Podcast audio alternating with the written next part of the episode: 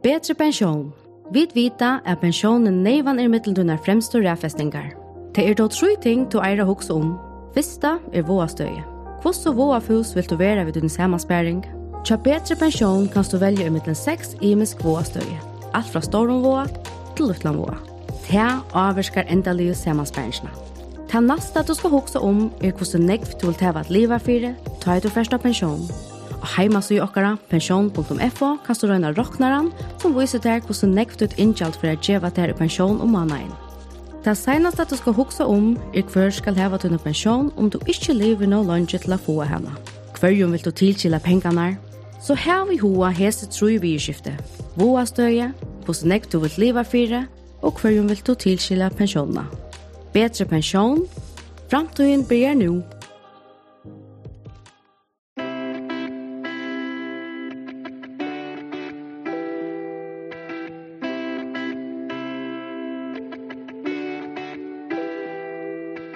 Til lortar etter potvarsrøyene vi snakka om pengar.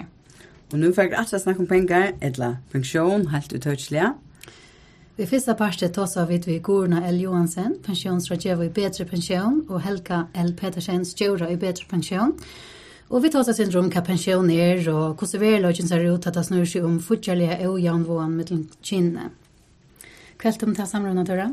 Vi som sitter veldig fast inn, og det var særlig at jeg er 40 prosentene, mm som faktisk var rettelig kjeltgande, at det er 40 av måned eh med kvinnor och män det gym till inkjalt i pension. Ja. Eh vad det ska du? Ja, helt ganska alltså utan jag vant att det var en stor mån med 40 alltså det är tätt på 50%. Ja. Ehm och det halt alltid är faktiskt inte självkande och jag hoppas att att det är så självkande om så det blir tidigt inte uppe i allmänna kärleken tog at det må nå gjøres noen inntriv, og det er øyne ringt for sånn einstegger for inn og brøyte det. Ja, precis. Og i nästa personen om pensjon, så får jeg da skifte gyrer sin til. Eh, vi får selvsagt enda ta som pensjon, og vi tar etter Gorna Johansen, pensjonsrådgjøver i Petra Pensjon vi har kun. Men vi har eisen en annan gjest, som eisen heter Goran, og til Goran Poulsen. Eh, og han har bjået i studiet her det, og gjerne vil jeg høre hva en vanlig først kvinne helst om pensjon, og hvordan henne pensjon hevde. Eh, hun gjør noen tankar om det, og hvordan er det i mye løsvidskiftene som man fører gjør noen, hvordan avvirker det henne pensjon. Ehm um, och så hoppas jag att uh, Hingoron som är pensionsrådgivare kan hjelpe Gorene vi att svære på noen spurningar som uh, helt säkert är relevanta för faktiskt något lustar hin ändan. Mhm. Mm -hmm. så snart helt några grönliga så för att ta oss om pensionsavsparing, våstöj och framtida perspektiv. Ja, så velkomna til vår Gurun Johansen pensjonsrådgiver i Betre, og Gurun Poulsen som er... Stjører jo i Kjols og Nærstående. Og så husker jeg at bare som en sånn disclaimer, så er hun også en ombudsradslimer til Betre, så har vi sagt det. Men um, Arne, vi får høre om vi skiftene til Ter, Gurun Poulsen. Ja.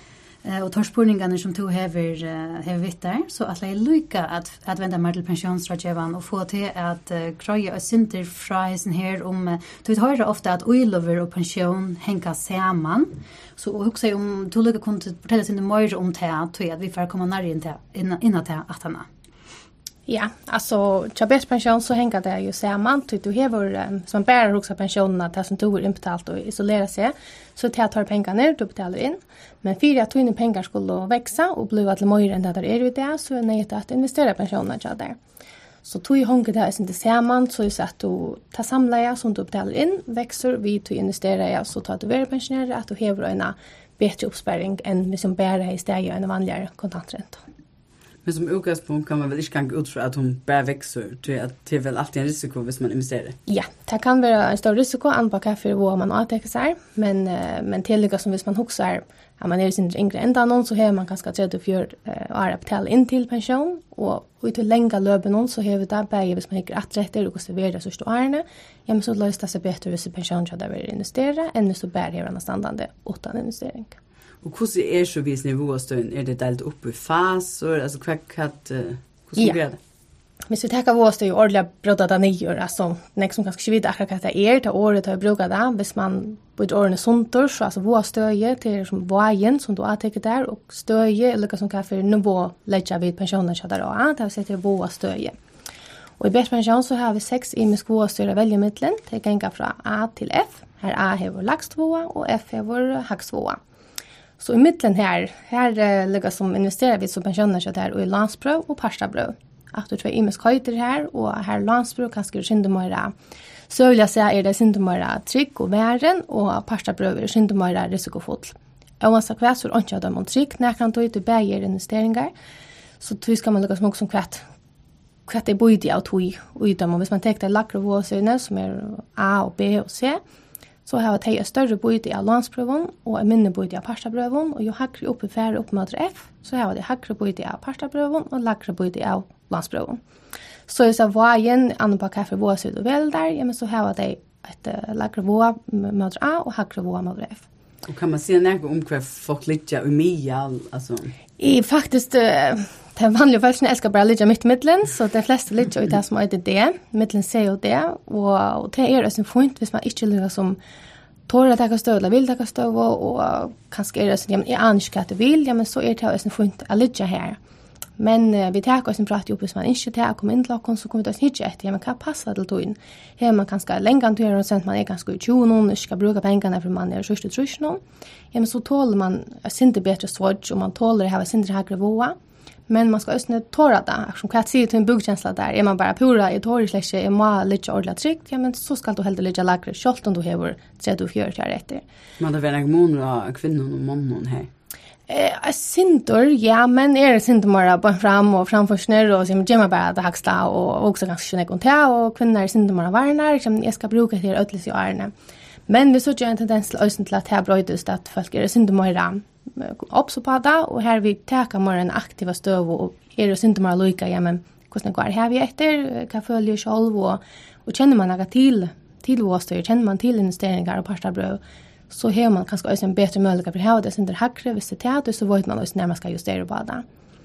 Så jeg, og som jeg skal si at jeg som våstøy, noen for det man kanskje veler åt nå, Så ju eldre man blir, ju varnare blir det faktiskt automatisk, Så vi tar innsett til och i om du ganska välrött som är sin högre att det så var en alltså så men så lackar alltså byte och i som var så någon så för town tog ganska väl var så det där 23 någon och Jag sen glömde att det inte skapa pension, ja men så är det inte så farligt, Hur jag vill täva justera det där framåt pensionsalderen Och kan kanskje annars som as privatpersoner fer in fra det til dags og kører opp og ned i våstøy, snart kan du gamble? Ja, man kan göra det kvann månad och så gör vi det första kommande månad. Det kan man alltid gjøre, hver måned hvis det er, og det koster ikke å brøyde det heller, så det er man alltid mulig for det men det er ikke det som jeg vil anbefale. Så han har man øyne gått skyld for det, og vet når man skal flytte opp og nye, så, så gjør man sånn det til hvis man kan gjøre det selv, eller skal det være en pensjonsrådgiver som gjør det? Nei, altså, du gjør det selv, du vet hva du vil gjøre, men du skal inn i hverandre, og vi godkjenner det, men hvis du velger at det var vår, så setter vi mye opp møter, vi gjør det som du ikke gjør, eller så snarere. Men, men vi rådgiver sånn, du, hvis det er en som ikke har prøvd det før, så hvis det er en som alle sine hopper opp og nye, at lykke som hjelper deg, ja, men hva er det faktisk du har bruk for, ja? Mm.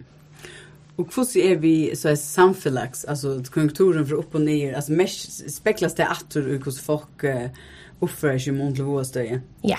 Det er det. ikke ødle, så sams stiv, så just aktor, men også som sagt, øyelig av aktor, det var korona, det var folk øyelig aktor, var ikke inn og spyrir om hvordan gongen ut, til å ta fall alt i øyelig nek, og kanskje så kjøtt vaksinen kom, så ble alt det sinte bedre aktor, og så spurte folk aktor, og det seneste er kanskje selja krutsk i Ukraina, det er det søgneste som ganske brøyta synder.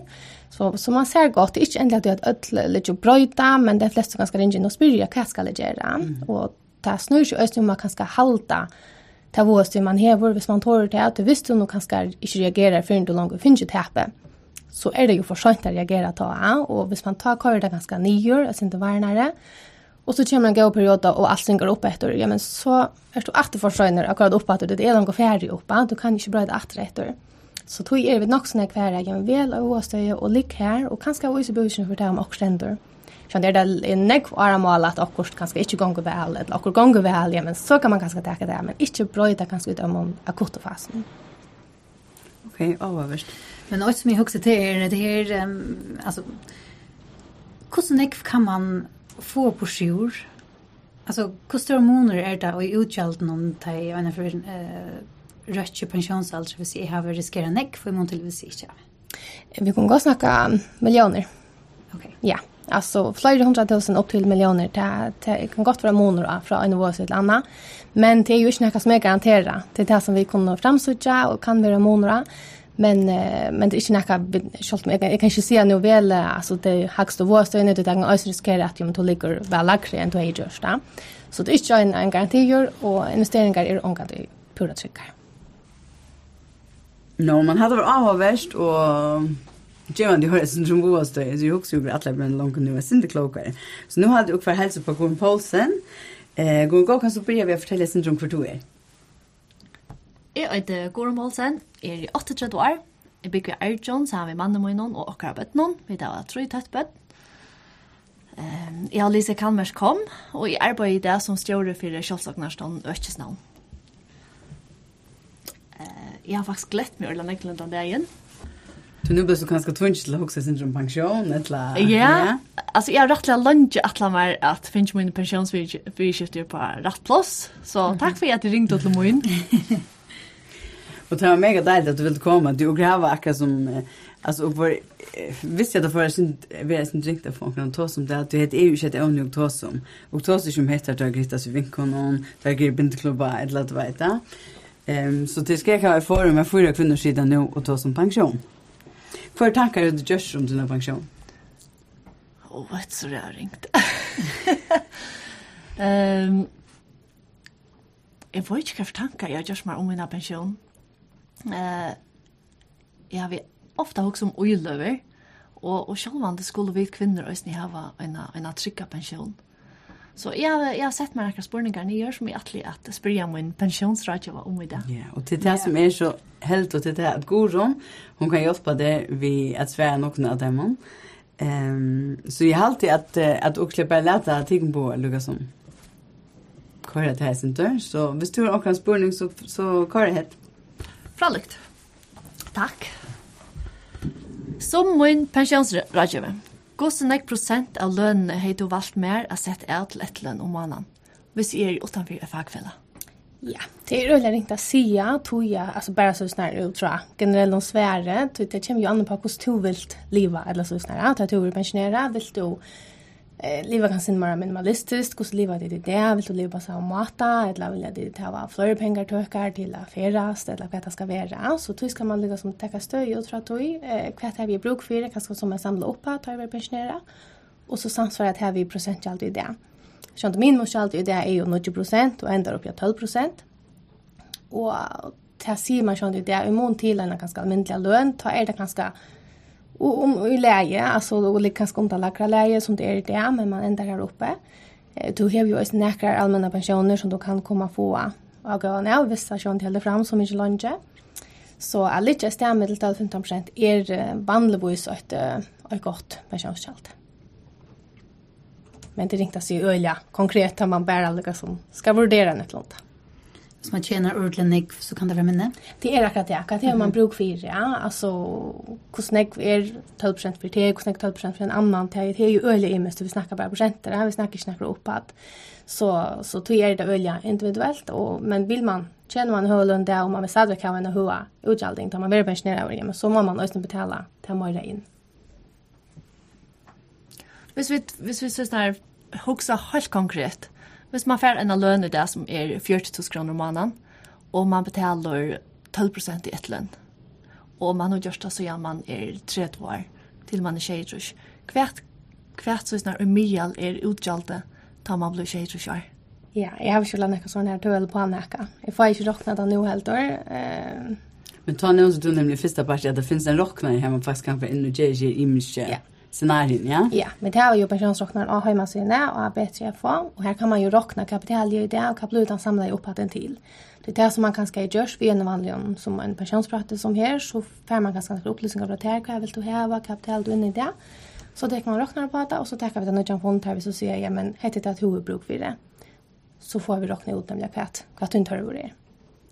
Jeg ringte till Best Pension eh, och fick en av tyckare radion att hjälpa mig. Vi tog utgangsstøye i en person som var 25 år, og han fikk eh, 30 000 i lønn om mannen, og betalte 12 prosent inn i ett lønn. Og hvis man velger uh, våstøye det, så først et utgjald, ta du erst tjejer og kjær, som er, jeg halte du først uh, 15 prosent av opphatten i utgåldet i øynene, og det var cirka 512 kroner, skattafrutt. Og pluss til så først du en løn som var cirka 60.300 om måneden skattavrutt. Så det, det er forholdsvis en, en, en god løn til en som er ferdig av pensjon. Og hun sier øsne at han som tar seg vidt av bedre pensjon, hun sier til at tale lå av 108 som mestjer at man faktisk har 8% hakre og i løn og måneden tar man fyrir pensjon hvis man hever en pensjonsoppsparing som er 12 prosent om måneden, lykkes igjen til hver 25 år. Og til leiren kanskje sin fyrir til det vi, ehm at man hører veldig ofte eh, kanskje jo yngre du er, jo fjærere er det til, det er fjærst, for jeg halter ikke til da. Um, altså hva er det vi gjørst for at ung folk lykkes som er oppså på pensjon?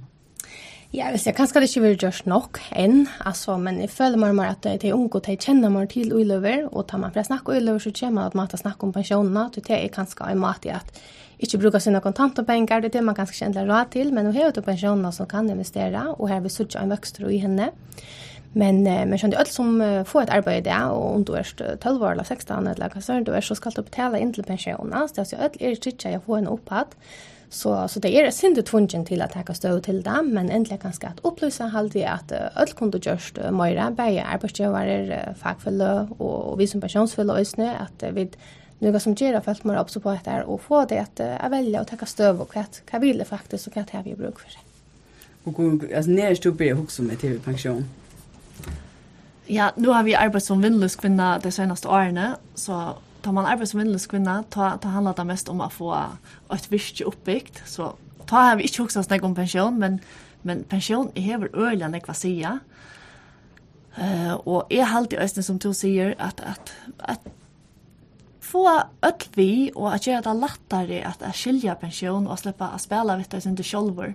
Og det er det øyelig styrve, at du skal skrive under og og tåsa vi dem til uh, pensjonsrådgjøver, og ja, jeg halte det skal være lettere. Og du kan sitte og spille ved voen og tunna telefon og, og hytte meg etter det, akkurat som vi parstabrøven. Ja, pensjonen er jo lukka som et løgt i parstabrøv og landsbrøv, så det er det man kjenner etter fra er vel ganske vilje hava til frihøytene. Ja. Eh, och ett land kan ganska synder kontra det att jag att jag inte man ska kunna sitta allt för nej och flytta ut att jag trots allt har en pension. du då rätt att missa henne. Mm -hmm. Istället kanske man sätter en upphad är alltså ju det sett kanske så snägg om annan nu har en uppspärrad 100 000 och sitter ju spelar vi till. Och tar man kanske görs några tankar om att ja, men jag kan gott missa det. Det är ju en risk att jag görs mer så jag kan gå missa det. Men pensionerna hevur du ikki orð, du hevur ikki råd til missa alla personar at visst ta skulle henta. So du halt at halda eg kos ikki at det skal vera forlagt, men sjón ta kan gott at lættare enda longu er det. Det kan ta sjálvande, men at litju flyta sum eg seia han er fram alla tøyna, det er kanskje for ein pensjon kanskje for å stå til. Tu og hetta og byrja an logra u fyrre passion og tosa syndrom heter vi tritchingar så. Kussi er vi tøyja tekur. Eh ja, alltså tar vi, tar vi kjøpte hus, ta høyde vi den backar Java och fick fikk upplyst att vi skulle lave hesa och hesa och hesa tryggingsna, och vi fikk okkon innbyggstrygging, och och bra från just ska till funnet skia trygging, og bila och og, og till trygging. Och det er faktisk nøstan nu att att är er blir kunna om att det är en stor monor och en løftstrygging och en är vanlock till vannlokktrygging. Så det är en annen spørning till twin. Vill du melde mig till att bæði hava ein vannlugtrygging og ein lufttrygging. Ja, det vil jeg faktisk. Eh, og hvis man kanskje lukka skal forklare månen av tryggingen noen, mm. hvis vi tenker ja, lufttryggingen av hun er kanskje symptomer simpel, hun dekker hvis man dør. Og det er lukka som er synd lukka mykje gos man dør, men er det sjuka, vannlukka, eller hva det skal være, ja, men så vil hun utgålden den tiltans to innskjøp. En mannlopptrygging kunne dølda sindre oppe i tvei, eh, her man i høvesøytan dekker fire hvis man kommer ut fra en mannlokko og fer færre verande og skia om omkronslea, så man færre et utgjald fyrir lykka som at, at dekka opp fyrir døy, sindre plåstra så er eller så. Og typisk saman vi mannlopptryggingen så er òsne en destekning i tess at dorsk var en mannlokko, så færst du òsne et, et utgjald av tøy. Så på tamma at han lykjast, altså tan destekninger og i mannlopptryggingen og en lystrygging til bare krever man døyra. Mm Men vi vannlukkstrykkingene er det jo å kreve at det er en vannlukka som hender for at du skal få utbetalingene av tog kjaltnum.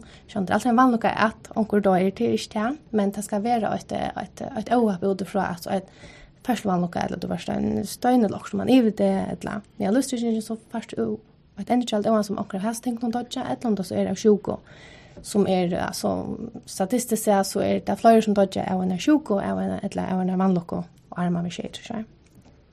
Så det är liksom hur är. Faktiskt alltså tror ju min man har bäge här lustringen är primärt det som man tycker sig för vid rött uppad när visst man då är. När man lustringen här fokuserar man särskilt på ävlams uppadna att till hon som man tycker sig för men inte ändliga också däckningen som tan tan viktig person att tycker man kan justera bäge här tvär uppad och i man lustringen och en vid dig och en vid man och så tan däckningen av man lustringen pure över höver visst man ösnära lustringen. Men hver får ta pengene i hvis du tar? Ja, det velger man nemlig selv tar man tekna til tjenestene, hvor skal tilskilles av til. Du kan velge om det skal være en person eller døyles med nøkker, men du velger pura seg selv. Så du gjør det viktig at man tar støv til hver det er, og støven kan også brøyde seg liv noen, kanskje først vil man ha det skal være mætje, og så at man skal være bøten eller foreldre, eller Ja, folk att la. Bröta, alltså Det kan man alltid bröta. Ja, det kan man alltid bröta och ändla det kan stöd. Det får ju hos inte spyr om hur vi har hästar chicken där. Alltså är det folk vidare folk allt om det där och är väl tricka i eller hur ser det ut? Nej, akkurat hesa spurningen som går spyr om nu är nog den mest vanliga spurningen och folk som är iva om tog att ta Luigas ju så väl näck, men så lukar väl inte. Til dem som vet man sjøen kunne slags tekna vann og og i en trygginga vel kunne slags tekna lust tryggingsna, så på tann måten eh, kan man skilja sin sunt och kan man teckna våra trygging. Men ja, där är det, alltså, där är det öliga och folk är öliga i va kan för tryggingar här vi är, på är här vi bruk för det och vad kan täcka det faktiskt. Alltså, du måste ha trygging och så, alltså syns det täcker det inte allt, men det är det ju inte, det ska inte definiera vad, vad det täcker och kan man nu ta det på. Og en annan sjødan spurning til er, så lønge teker for løp vi en løftstrygging? Det er øyelig, det er alt fra en dag, noen till til uh, måneder det som er ganske inntekninger for løpet ved en løstrygging, det er det man opplever hva, er, hvordan er hølsen til det har man inte näkan sätta vingarna av og så kan det ju tecknas på en men är er ett eller annat som ger det att vi lukar mot känna stövna närre eh ta pjös ju ändla vara att man är i en hakre vanta för att dotcha men visst man hever också som ger det att vi lukar vilja kanna ta stövna närre vad kunde döms dem svära onkel sjuka eh av en sån slä eh till sälja det som ger att och ta vi leva vidare kussi är det avskavs sjukna så fyrt här om vi spyrja om också Så det är inte ändligt att vi att ja, vi får ha några tecknat dessa tidsingarna. Men det tror jag vill jag veta hur det är enda stövan är kanske där. Det kan vara som sjukom, men till pjörsar var ska lägga även ett långt pjörsar vara lukka ekvis litt på avon. Så tror tog vil jeg vite sent nærre, og tog te kan teka tog, tog så skal man kanskje lakna eller ha flere kjøla. Men tar vi det her alt kjølene, så teker vi ikke noen tog. Hur allt hon kan se i munnen när man tecknar sådana drittsingar?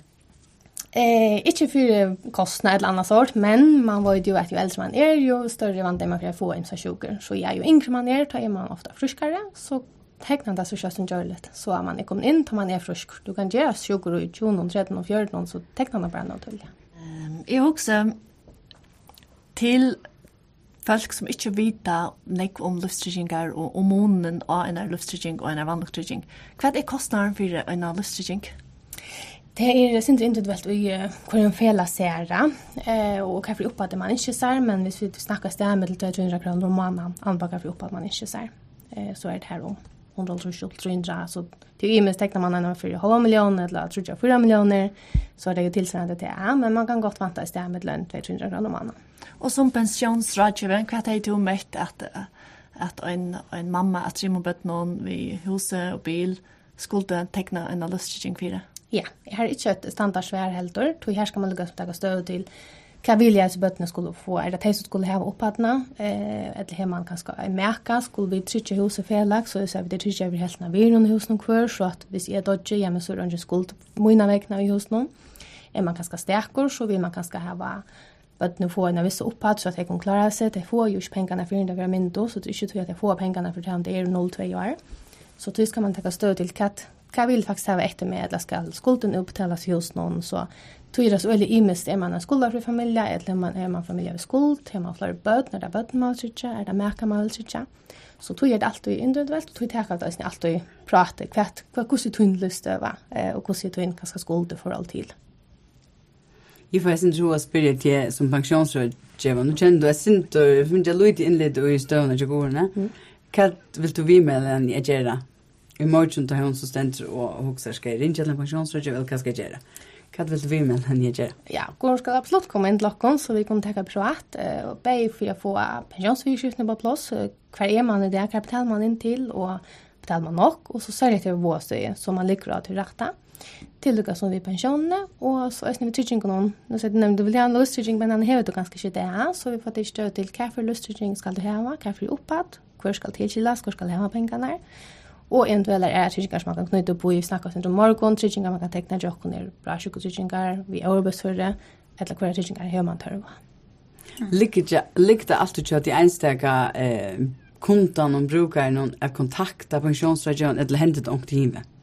Nej, faktiskt eh, vi kunde ikke bara ringa till kunder och förra bara så snart vi utan vi gjør det. Eh, men hvis kunder vender seg till åkken, så är vi alltid klara att tacka prat. prate om vad som ska vara så kommer vi alltid tacka prate om vad det ska vara til her, er det om pensjon eller er det om tryggingar.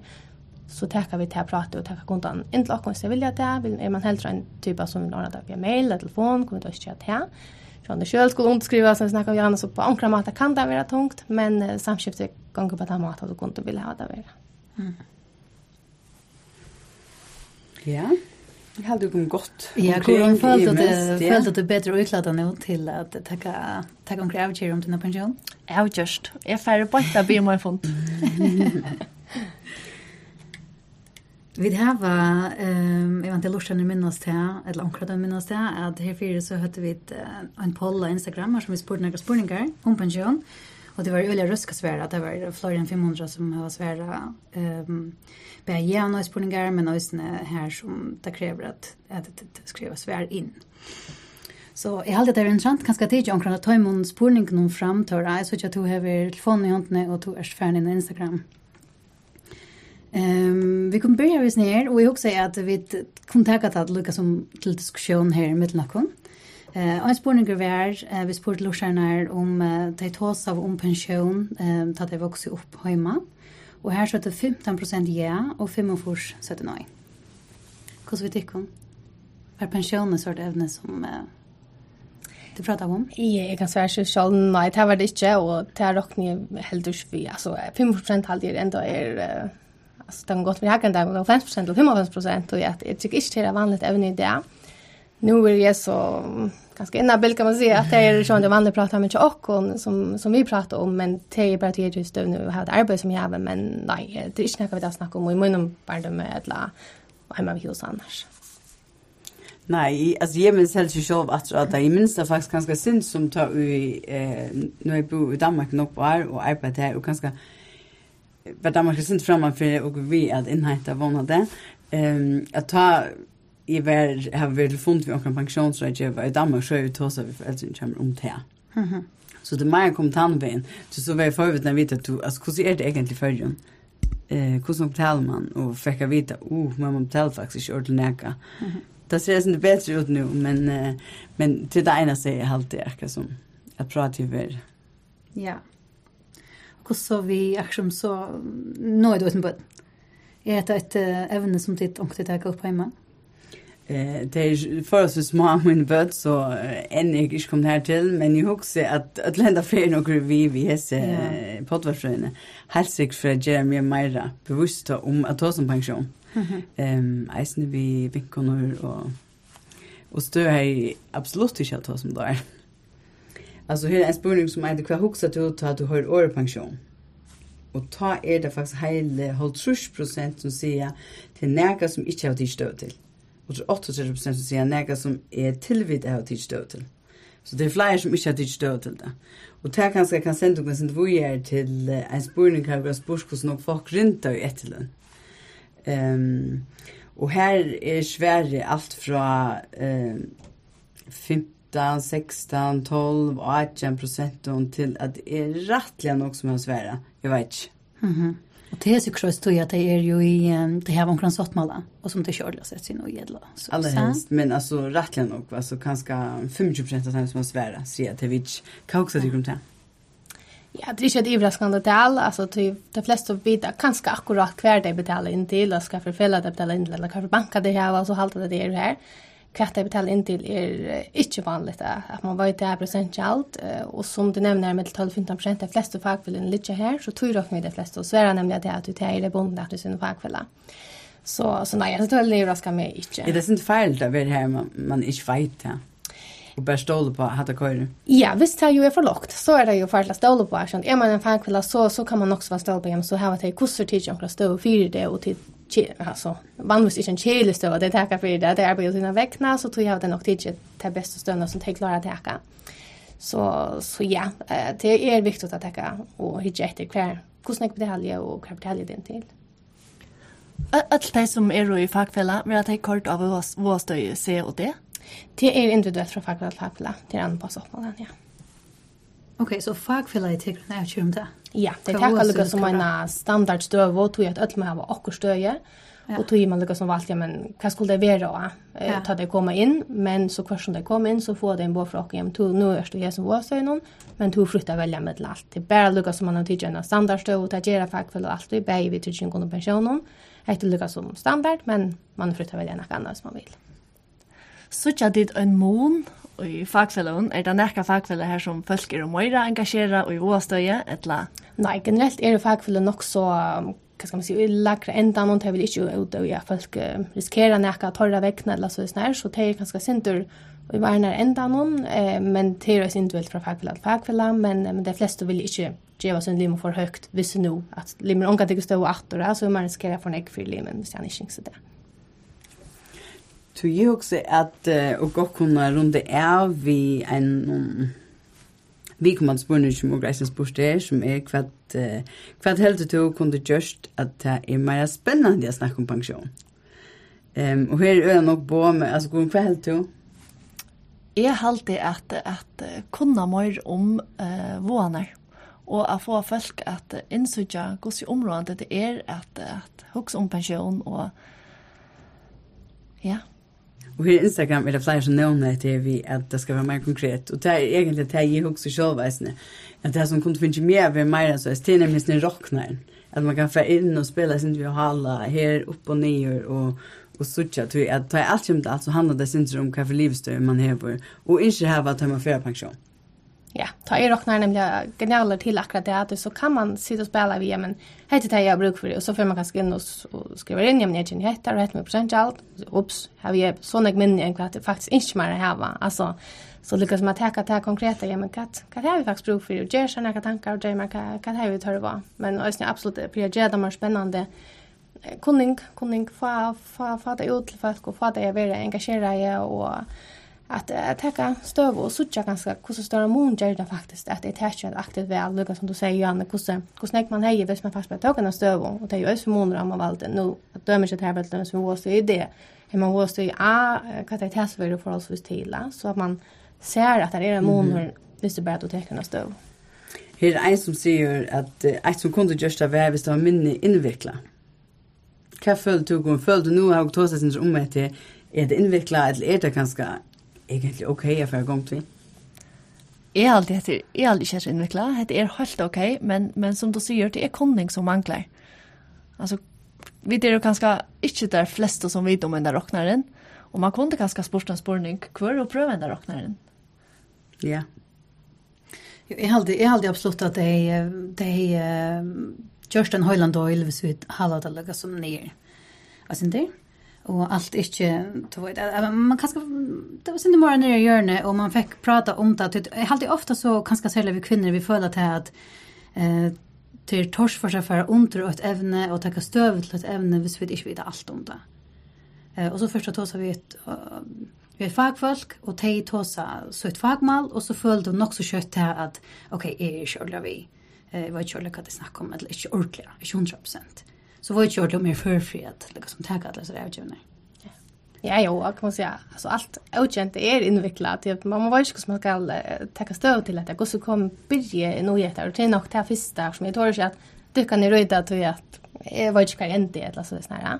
Så ja, hvis man lyckas som pett att hålla då ja men är betalar ångstande, det var det till så allt det näka, jag betalar bestämt chalt och så du har långt och nøkker styr er langt gjørt fyrir det. Du skal lukka som bare takka støvna vujere. Så finn det hva du betaler i det, og byrja her, og takk støvna herfra. Så det er alltid en byrjan, du betaler noen ganger sen, så du er slank å byrja. Jeg halte jo for å takke din barn for det, det var avhåverst. Um, takk for det. Takk for at vi var på den vi.